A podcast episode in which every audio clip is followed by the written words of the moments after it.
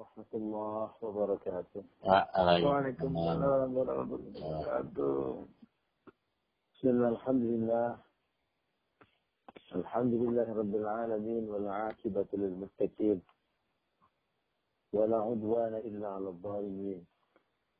الصلاة والسلام على سيد المرسلين محمد وعلى آله وأصحابه المجاهدين الطاهرين أما بعد. سبحان لا علم لنا إلا ما علمتنا إنك أنت العليم الحكيم. اللهم أنت ربي لا إله إلا أنت خلقتني وأنا عبدك وأنا على عهدك ووعدك ما استطعت. أعوذ بك من شر ما صنعت وأبوء لك بنعمتك علي وأبوء بذنبي فاغفر لي إنه لا يغفر الذنوب إلا أنت. للدولة ولشفاعة رسول الله ولكل يد الصالحة ولكل جمال المسؤول الفاتحة. أعوذ بالله من الشيطان الرجيم بسم الله الرحمن الرحيم الحمد لله رب العالمين الرحمن الرحيم مالك يوم الدين إياك نعبد وإياك نستعين صراط الذين أنعمت عليهم غير Alhamdulillah pagi hari ini terpet-terpet meskipun mata kita agak sedikit sakit karena kurang tidur kebanyakan beribadah pagi malam. Insya Allah ya. Pak kita hampir tidak tidur membaca empat juz. Meskipun dengan suasana yang rotok perpet-perpet kita bisa bangun dan bisa mengaji bersama-sama. Iya Pak Ulun. yang Saya kira manjut saya. Ya mau tidur monggo silahkan tidur dengan nikmat insya Allah tetap dapat pahala pahala puasa karena selama tidur masih berpuasa dan pahala niat ngaji ya. niat kita dapat pahala ya alhamdulillah coba tidak hmm. kalau tak suwi berarti rasa hilang Ulun. alhamdulillah Melanjutkan ngaji kita, kita sudah sampai di surat Al-Insyiqaq. Bagian pertama sudah kita kaji bersama-sama minggu lalu. Kita sekarang siap-siap untuk melanjutkan surat Al-Insyiqaq mulai ayat ke-7. أعوذ بالله من الشيطان الرجيم بسم الله الرحمن الرحيم فأما من أوتي كتابه بيمينه Minggu lalu kita sudah ngaji dari ayat 1 sampai ayat ke-5. Di mana di ayat 1 sampai ayat 5 Allah menyampaikan sebuah ayat-ayat kauniyah yang dicatat dengan sangat baik menjadi ayat-ayat Al-Quran. Yaitu ketika langit terbelah tunduk atas kemauan Allah kemudian bumi juga akan diluruskan, dipanjangkan, dihamparkan sehingga mengeluarkan apa pun isi yang ada di dalamnya. Dan bumi itu juga nurut kepada Allah, kepada ketentuan Tuhannya. Ya. Kemudian di ayat kelima, di ayat ke-6, manusia diingatkan betapa kita semua akan lebih Nah, tinggal lebihnya ini dipakai untuk apa? Ada yang lebih kalau memenuhi panggilan Tuhannya. Sehingga nanti di akhirat dia akan juga menemui amal-amal soleh yang dia lakukan. Ada yang lebihnya dipakai untuk urusan dunia saja. Dan meninggalkan Allah. Ya itu yang dicatat. Ya. Jadi kasihan hanya lebih untuk sesuatu urusan yang ya berapa tahun sih umur kita itu sebenarnya 50, 60, 70, 100 tahun paling lama ya hanya untuk itu. Sementara di akhirat akan kekal selama-lamanya. Nah, tinggal pilihan kita mau gimana. Ya, lebih kita mau untuk apa. Nah, lalu di ayat ini Allah menjelaskan karena di ayat ke-6 Allah menyebutkan famulati. Nah, itu akan menemui amal. Ada yang menerjemahkan itu menemui Allah. Menemui Allah, menemui amal sama saja ujung-ujungnya adalah bahwa siapa pun yang kadis atau lelah di dunia ila rabbika karena memenuhi panggilan Tuhanmu Ya, maka engkau akan bertemu dengan Tuhanmu kelak di surga. Atau engkau akan bertemu dengan amal-amal perbuatanmu. Ya, yang otomatis nanti kalau amal perbuatanmu itu penuh dengan amal solih, maka surga lah tempatnya. Itu akan ketemu janji Allah yang seperti itu akan ketemu. Tidak mungkin akan hilang. Nah, kalau tidak ada enam kemarin itu. Nah, lalu Allah kemudian secara detail menjelaskan apa yang terjadi di Yaumul Hisab. Ya, pada saat proses pertemuan dalam tanda kutip. Ya, lagi, ya, sekarang akan bertemu. Bisa bertemu Allah, bisa bertemu amal solihnya, bisa bertemu dengan janji-janji Allah. Ya. Sama man utia kita bahu biyamin. Adapun orang-orang yang man utia diberi kita bahu kita catatan amalnya ini dengan tangan kanan menerimanya ya, dari depan dan dengan tangan kanan maka fasofa yuhasabu hisaban yasira maka kelak saufa akan ya yuhasabu dia akan diperiksa, akan dihisab. Hisab yasiro dengan pemeriksaan yasir yang mudah.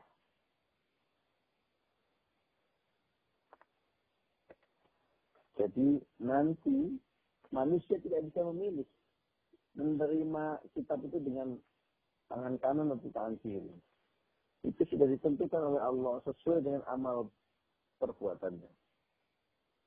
Kalau amal perbuatannya waktu di dunia itu diisi dengan amal-amal soleh, secara otomatis dia akan menerima dengan tangan kanan dan menerimanya dari depan. Ya, tangan kanan dan dari depan. Secara otomatis. Dan kalau ada orang yang menerima kitab itu dari depan dan dengan tangan kanan, maka wayang qalibu ila ahlihi masruro. dia akan yang khalid kembali ila ahlihi kepada keluarganya. Bahkan mengatakan kepada kelompoknya, kepada teman-temannya. Masruro dengan perasaan riang gembira. Ada sebuah hadis yang menjelaskan bagaimana proses penerimaan kitab ini. Di mana pada hari itu semua orang dikumpulkan di padang mahsyar. Ya, kita kemarin sudah menjelaskan bagaimana situasi padang mahsyar. Ya. Pada hari itu semua dihisab. Semua dihitung. Ya, hisab itu artinya perhitungan. Ya. Itu kemarin dengan cara hisab atau rukyah. Rukyah hilal ya, melihat secara langsung. Wah, hisab itu menghitung. Ya. Ada pada suasana itu, pada hari itu, semua orang berjongkok, ya menunggu panggilan untuk menerima kitab itu. Kita dipanggil, hatinya gemetar. Ya. Lalu dia akan menerima kitab dengan dua model. Yang menerima kitab dengan tangan kanannya dan dari arah depan, ada yang menerima kitab dari arah tangan kirinya dan dari belakang. Jadi ada yang menjelaskan ayat yang menjelaskan dari belakang, ada yang menjelaskan dari uh, apa namanya dengan tangan kiri. Nah, lalu kemudian ulama bersepakat ya ini dua-duanya dengan tangan kiri dan dari belakang. Jadi meskipun sebenarnya dia pengen tangan kanan yang menerima, tidak bisa tangan kanannya menerima. Tangan kirinya dilipat seperti ini. Ya. Kenapa? Karena tangan kirinya diikat. Ya, tidak bisa bergerak. Tangan kirinya dari belakang. Untuk apa ini diberikan dengan cara ini? Untuk menghinakan. Karena waktu hidup di dunia dia menghinakan aturan-aturan Allah. Ya. Bagaimana nasib orang-orang yang beriman maka dia akan menerima dengan tangan kanannya. Ya. Dan kalau dia menerima dengan tangan kanan, maka fasaufa yuhasabu hisaban yasira. Dia akan diperiksa, dia akan dihisab, akan disidang dengan seluruh amal-amalnya itu, tetapi hisaban yasira dengan cara perhitungan yang mudah. Ya. Cara perhitungan yang mudah. Bagaimana perhitungan yang mudah itu? Kelak di akhirat ada dua model hisab. Ya. Ada model hisab yang dilakukan secara garis besar. Ya, namanya al-ardu atau ard. Ard ini berarti dipaparkan secara garis besar. Kenapa secara garis besar? Ya karena dipermudah. Disampaikan secara global top line. Ya, kalau bahasanya Pak Hester itu top line. Bacakan judul-judulnya saja. Eh kamu dulu pernah begini ya, terus sudah saya ampuni. Hmm. Uh, kamu pernah ngaji begini-begini. Terus ini apa? Ya judul-judul besarnya saja. Nah ini bagian dari cara Allah mempermudah hisab. Kenapa? Karena seperti kita di dunia, kita juga nanti akan merasa sangat khawatir dan malu kalau dosa kita dipaparkan. Rasul pernah bersabda, jangankan kita, Nabi Adam yang pernah berdosa karena makan buah khuldi, tapi kemudian sudah diampuni Allah, sudah pasti diampuni Allah, saja masih khawatir kalau nanti dosa itu akan ikut dibatalkan, akan ikut dihisap lagi, dihitung lagi. Ya. Apalagi nanti kalau misalnya panjang dan aneh-aneh, wah itu dibacakan itu, itu sudah sebuah siksaan tersendiri. Ya sama ketika seseorang di dunia itu dibawa ke pengadilan, mau mendengar tuntutan jaksa dan kesaksian para saksi saja dia sudah berhenti, sudah grogi, sudah takut, sudah marah, sudah sedih. Kalau kalau nanti rahasia saya dibuka, ya, ini ini sudah satu satu siksaan tersendiri, terutama buat orang-orang yang berdosa. Kalau orang-orang yang amalannya baik, ya dia senang-senang saja. Ya, Nah, siksaan yang kedua tentu yang paling berat adalah ketika hasil dari perhitungan itu sudah keluar dan dia masuk neraka. Tentu itu sudah. Jadi pada saat menunggu saja itu sudah merupakan siksaan. Buat mereka orang-orang kafir.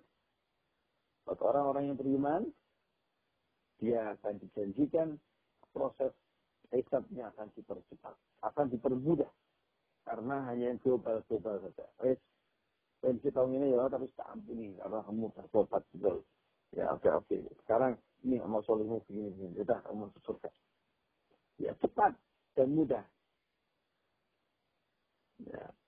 Tapi kalau sampai ada orang yang dihisap dengan pendekatan yang kedua, apa itu pendekatan yang kedua? Namanya pendekatan munafosyah. Ini seperti kalau sidang skripsi, kalau di UIN dulu namanya munafosyah. Ya. Seolah-olah kalau kita sedang menghadapi dosen di munakosa atau sidang skripsi, itu adanya itu kan salah dan salah. Ya. Dosen bertanya A, kita menjawab B, berbeda dengan yang diharapkan, pasti nanti salah. Menjawab ini dan nanti disalahkan lagi. Ya. Ada penuh kekhawatiran seperti itu. Dan apa pun bisa menjadi salah kalau di munakosa yang titik dan koma saja salah. Ya. Nah nanti sidangnya dengan munakosa juga demikian akan sangat detail.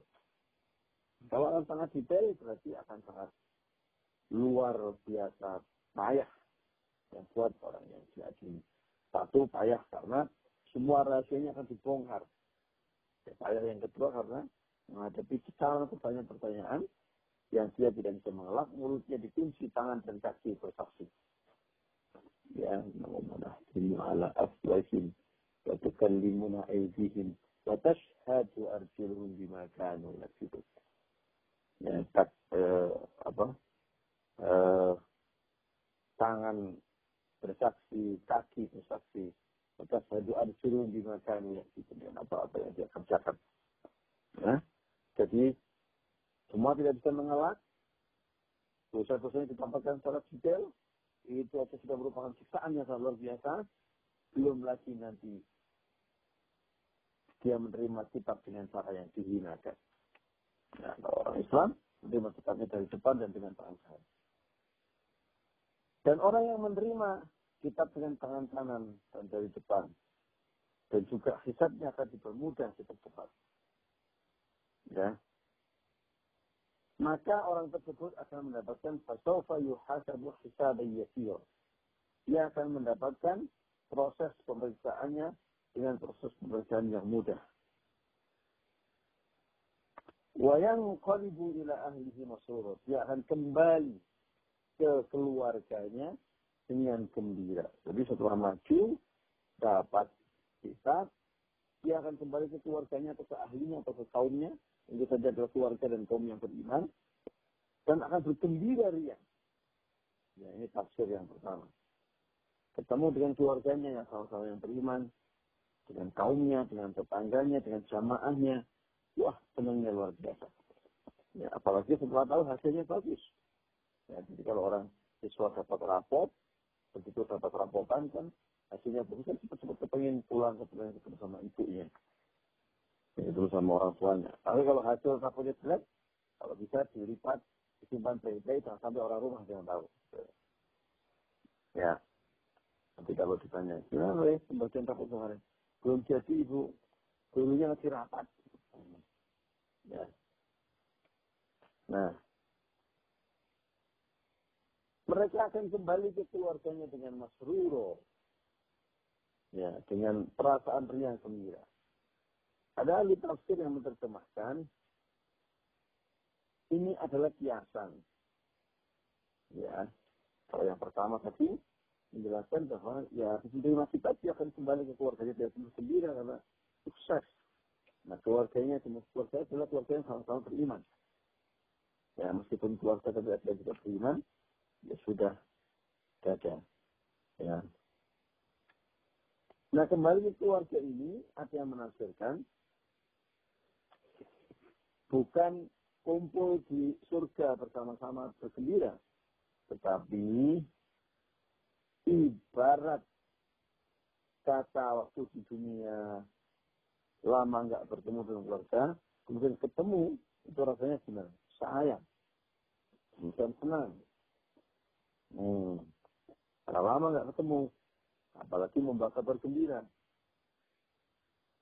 Ingin cepat-cepat ketemu sama keluarganya dengan penuh kerinduan dan kebahagiaan. Nah ini ini untuk menggambarkan atau untuk menjelaskan bahwa manusia nanti begitu mendapatkan kitab dengan tangan tangannya dan dinyatakan uh, berhak untuk masuk surga, itu suasananya, kebahagiaannya adalah kebahagiaan yang sangat luar biasa, seperti ketika dia dulu hidup di dunia dalam keadaan tangan, dalam keadaan rindu lama nggak ketemu dengan keluarga, lalu dia akhirnya ketemu dengan keluarganya. Bahagianya itu seperti itu. Ya. Itu makna yang kedua itu tafsir yang kedua. Kalau yang pertama ya memang nanti saat menerima kitab dia akan membawa kabar berita bahagia ini ke keluarganya. Ya, senang semuanya bisa berkumpul, tentu saja adalah keluarga-keluarga yang beriman. Ya. Wa amma man utiya kitabahu wara'a zuhri. Wa amma man. Adapun orang yang utiya kitabahu. Mendapatkan kitabnya. Wara'a zuhri. Dari arah belakang punggungnya. Ya, jadi putar. Ah, dari tangan kiri. Jadi sudah. Tangan kiri diputar ke belakang pula. Hmm. maka fasawfa yad'u subura dia akan, doa berteriak-teriak. Suburo, celakalah aku, celakalah aku, celakalah aku.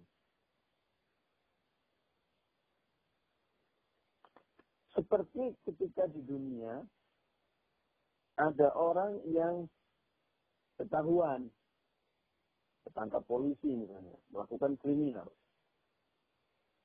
Belum apa-apa, itu sudah teriak-teriak ciloko, ciloko. Membayangkan nyiksaan, membayangkan pertanggungjawaban yang harus dia lakukan. Hukuman yang akan dia terima. Dia nggak siap itu, maka belum apa-apa dia sudah teriak-teriak. Ya, dia da'un subur, dia teriak-teriak setelah saat itu, setelah saat itu. Ya, menerima catatan amalnya. Wayasla sa'iro. Ya, kenapa dia teriak-teriak? Karena dia tahu bahwa kemudian dia karena catatan amalnya buruk itu dia harus menerima konsekuensinya dia akan masuk neraka sa'ir yang menyala-nyala yang sangat mengerikan sekali. Dia akan disiksa, dia tahu dia akan disiksa di situ. Setengah mati, setengah hidup. Ya, begitu mati, dihidupkan lagi atau ditahan untuk tidak mati, biar bisa merasakan dosa itu. Ya,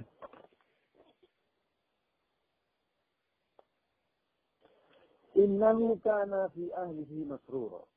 Jadi kalau tadi wayang qalibu ila ahli masrura, di sini yang kelompok orang-orang yang kafir, yang menerima kitab dari wara al-zahri, dari balik tangannya, innahu dia sesungguhnya kana, sudah ada dia dulu waktu di dunia, di ahlihi bersama dengan keluarganya, masrura bergembira. Ya, kamu sekarang di akhirat, kamu menerima dengan tangan kiri, ya, kamu akan disiksa masuk untuk disiksa masuk di neraka sa'ir. Ya. Kenapa kalian begitu? Karena dulu waktu kalian di dunia, innahu kana fi ahli masura. Dulu kalian di dunia, bersama dengan keluargamu, bersama dengan kelompokmu, kamu bersukaria. Kamu berpesta pora, kamu bergembira ya. ya. Sekarang kamu menerima akibatnya. Bergembiranya adalah bergembira dengan kemaksiatan. Ya, karena kemudian dilanjutkan dengan ayat selanjutnya, Innahu zanna allayyahur. Mereka mengira, mereka bergembira ria. Mereka habiskan hartanya untuk berfoya-foya. Karena mereka mengira bahwa innahu sesungguhnya zanna allayyahur. Ya berpikir ya bahwa nanti tidak akan ada lagi yahura ya Allah yahur dia bangun dia bersukaria dia berpesta pora dan dia tidak mengira bahwa nanti akan ada kehidupan setelah dunia. Orang menghabis-habiskan waktunya untuk berfoya-foya. Ya. Ada yang punya uang, ya dia bisa uang itu. Hanya dia berpikir bahwa besok udah nggak ada lagi pertanggung jawaban, tidak ada lagi akhirat. Ya, dihabiskan usia tuanya dengan terus bermaksiat. Alhamdulillah. Karena apa?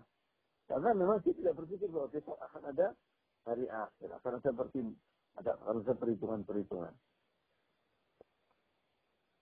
Ya, ini format pengajaran kepada kita secara tidak langsung. Yang bercerita tentang orang-orang kafir. Ya, orang-orang kafir, orang yang merasa syair itu dulu waktu di dunia dia berpesta pora, dia bersuka cita dengan keluarganya dan dengan ahlinya dan kelompoknya. Kenapa dia bisa berpesta pora seperti itu? Karena dia berpikir bahwa besok sudah tidak akan ada lagi waktu. Ya kalau mau menikmati hidup ya sekarang ini. Ya, salah besar. Karena menikmati hidup di dunia hanya sebentar saja. Sebentar yang kekal adalah di akhirat kelak. Karena di dunia, sehebat apa pun Anda, Anda masih butuh pertolongan orang. Di akhirat telat, semuanya akan dilayani. Ya. Suasananya gembira, suasananya mah. Tapi orang ini tidak menyangka itu. Orang tidak menduga akan, akan datang hari itu. Sehingga mereka abai dengan perintah Allah. Mereka langgar larangan Allah. Ya. Kemudian dijawab oleh Allah kepada orang-orang yang menganggap bahwa akhirat itu tidak ada. Bala. Iya. Inna rabbahu kana bihi masira. Sesungguhnya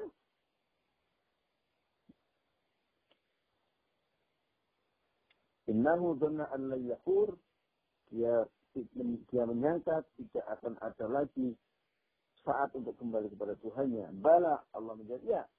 Inna rabbahu kana bihi basira. Bala. Ya, tentu saja. Ya. Tentu saja nanti akan ada hari pembalasan. Tentu saja nanti akan berjumpa dengan saat-saat perhitungan amal kita. Inna rabbahu karena sesungguhnya Tuhannya karena bihi basira adalah zat yang dengannya dia selalu melihat. Ya, mekanisme kerja Allah, Allah tahu semua perbuatan kita. Allah melihat pekerjaan kita. Pertanyaannya, kenapa Allah mesti menyuruh malaikat untuk mencatat amal-amal kita? Kan kita ke mana pun pergi ada malaikat dua yang mencatat amal-amal kita. Ya, minimal. Ya. Kalau Allah maha tahu, kenapa Allah minta Kenapa Allah ciptakan, kenapa Allah suruh malaikat itu untuk mencatat amal-amal kita. Sebagian besar ulama sepakat bahwa salah satu hikmah dari diperintahkannya malaikat mencatat amal kita adalah di satu sisi melatih tanggung jawab kita sebagai manusia. Kita di mana pun kita berada, gelap, terang, sendiri maupun orang banyak, disaksikan oleh Allah dan dicatat oleh malaikat. Yang kedua adalah agar bisa dibuat buku catatan dan nanti buku catatan itu akan berbicara langsung kepada kita sendiri-sendiri. Ya, dengan cara tadi, ya penghasilannya ada yang dengan cara detail atau munakosha atau garis besarnya saja atau yang disebut al-arud. Jadi, orang akan melihat ini objektif sekali dan kita bisa membaca sendiri buku itu. Tidak perlu dibacakan. Atau nanti buku malah berbicara kepada kita. Eh, tanggal sekian, tanggal 14 pagi kalian ngaji. Meskipun ngantuk-ngantuk, meskipun ada yang tidur, ya nggak apa-apa kalian ngaji. Nah, secara dengan baik oleh malaikat. Nah, nanti buku catatan itu akan terlihat ya dengan mudah akan dibacakan kepada kita ya, dan kita bisa melihat sendiri oh iya ya dan semua percaya semuanya yakin. Semuanya membenarkan proses itu. Nah, orang-orang yang percaya betul bahwa Allah maha melihat, mereka juga percaya betul bahwa Allah mengutus malaikatnya untuk mencatat amal-amal soleh kita. Basir. Tidak mungkin nggak terlihat oleh manusia. Karena semuanya melihatnya dengan baik. Terlihat ceto welo-welo orang akan menerima dengan seluruh keyakinan. Karena amal itu tercatat semua di situ dan bisa dibaca. Dan sangat jelas, sangat terbuka, accessible. Accessibility-nya semua orang bisa mengakses. Itulah salah satu di antara sedikit hikmah dari uh, di antara beberapa hikmah dari Allah mengutus malaikat untuk mencatat amal-amal kita. Dan bayangkan Amal-amal ini akan menjadi catatan ini akan menjadi saksi kita. Ya, menjadi saksi kelak. Dan dari cara pemberiannya saja sudah berbeda. Ya, catatan yang baik untuk orang yang beriman diberikan dengan tangan kanan dan dari arah depan. Ya. Sementara kalau orang yang catatannya buruk, dia akan menerima dari arah belakang dan dengan tangan kiri. Karena otomatis dia sudah tahu. Dia teriak-teriak. Dia tahu subura. Ya. Dia sudah tahu kalau diberikan dengan tangan kiri.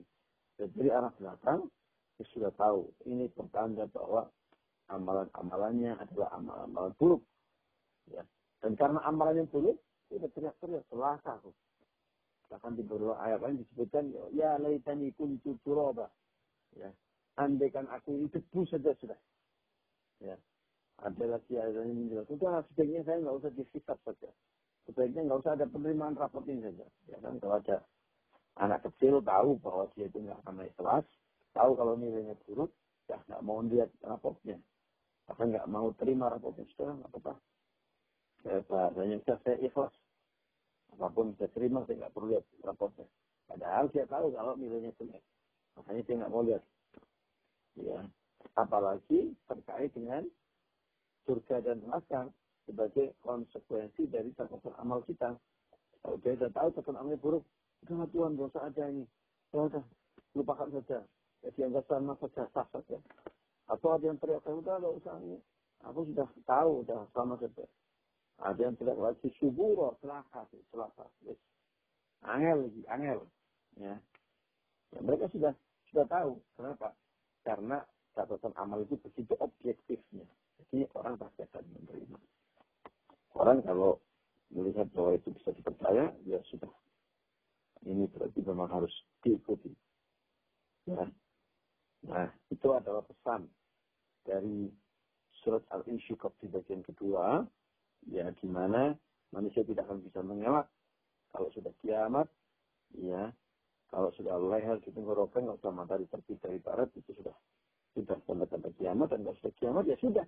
Berhenti waktu kita untuk investasi, itulah saat kita untuk rapotan, untuk menerima catatan amal kita. Dan cara penerimaan amal kita sudah diatur oleh Allah di dalam surat Al-Insyiqaq dan juga beberapa ayat-ayat yang lain.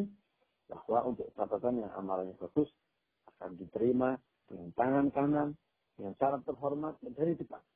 Sementara kalau uh, sebaliknya, ya maka dia akan waro al ya, dia akan menerima dengan cara yang tidak terhormat, dengan cara yang menghinakan, karena hanya tangan kiri dan tangannya pun, tangannya pun diikat. Ya, tidak bebas. Dan dia tahu, begitu dia menerima dengan cara-cara itu, bertanda buruk bahwa amalnya itu bertanda apa hidupnya di dengan amal-amal yang tidak baik. Ya, dan karena itulah mereka teriak-teriak sudah telah tahu. Terus nggak usah dilanjutkan pengadilan ini, saya manut aja. Dan sebagainya, dan sebagainya. Ya, itu. Itu diceritakan juga dalam beberapa ayat-ayat yang lain yang menceritakan bagaimana manusia catatan amalnya buruk sudah grogi juga ya, dan dan uh, apa namanya uh, dia tahu konsekuensinya begitu dia menerima dari dengan cara yang dilakukan seperti itu maka sair neraka sair telah menanti dia. Ya. Demikian nasi kita pagi hari ini. Nanti di ayat selanjutnya yaitu di ayat ke-16 topiknya sudah agak sedikit berbeda. Ya maka uh, saya kira cukup sampai di sini. Nanti kita memasuki subtema yang baru. Ya, masih diambil sikap, tapi subtema yang baru yang berbeda dengan yang kita pelajari hari ini. Terima kasih untuk kebersamaan teman-teman sekalian. Saya berpamit dengan teman-teman yang di Facebook. Kita lanjutkan dengan diskusi kecil dengan teman-teman yang di jalur telepon dan juga di jalur Zoom. Allahul Muafiq ila kami Assalamualaikum warahmatullahi wabarakatuh.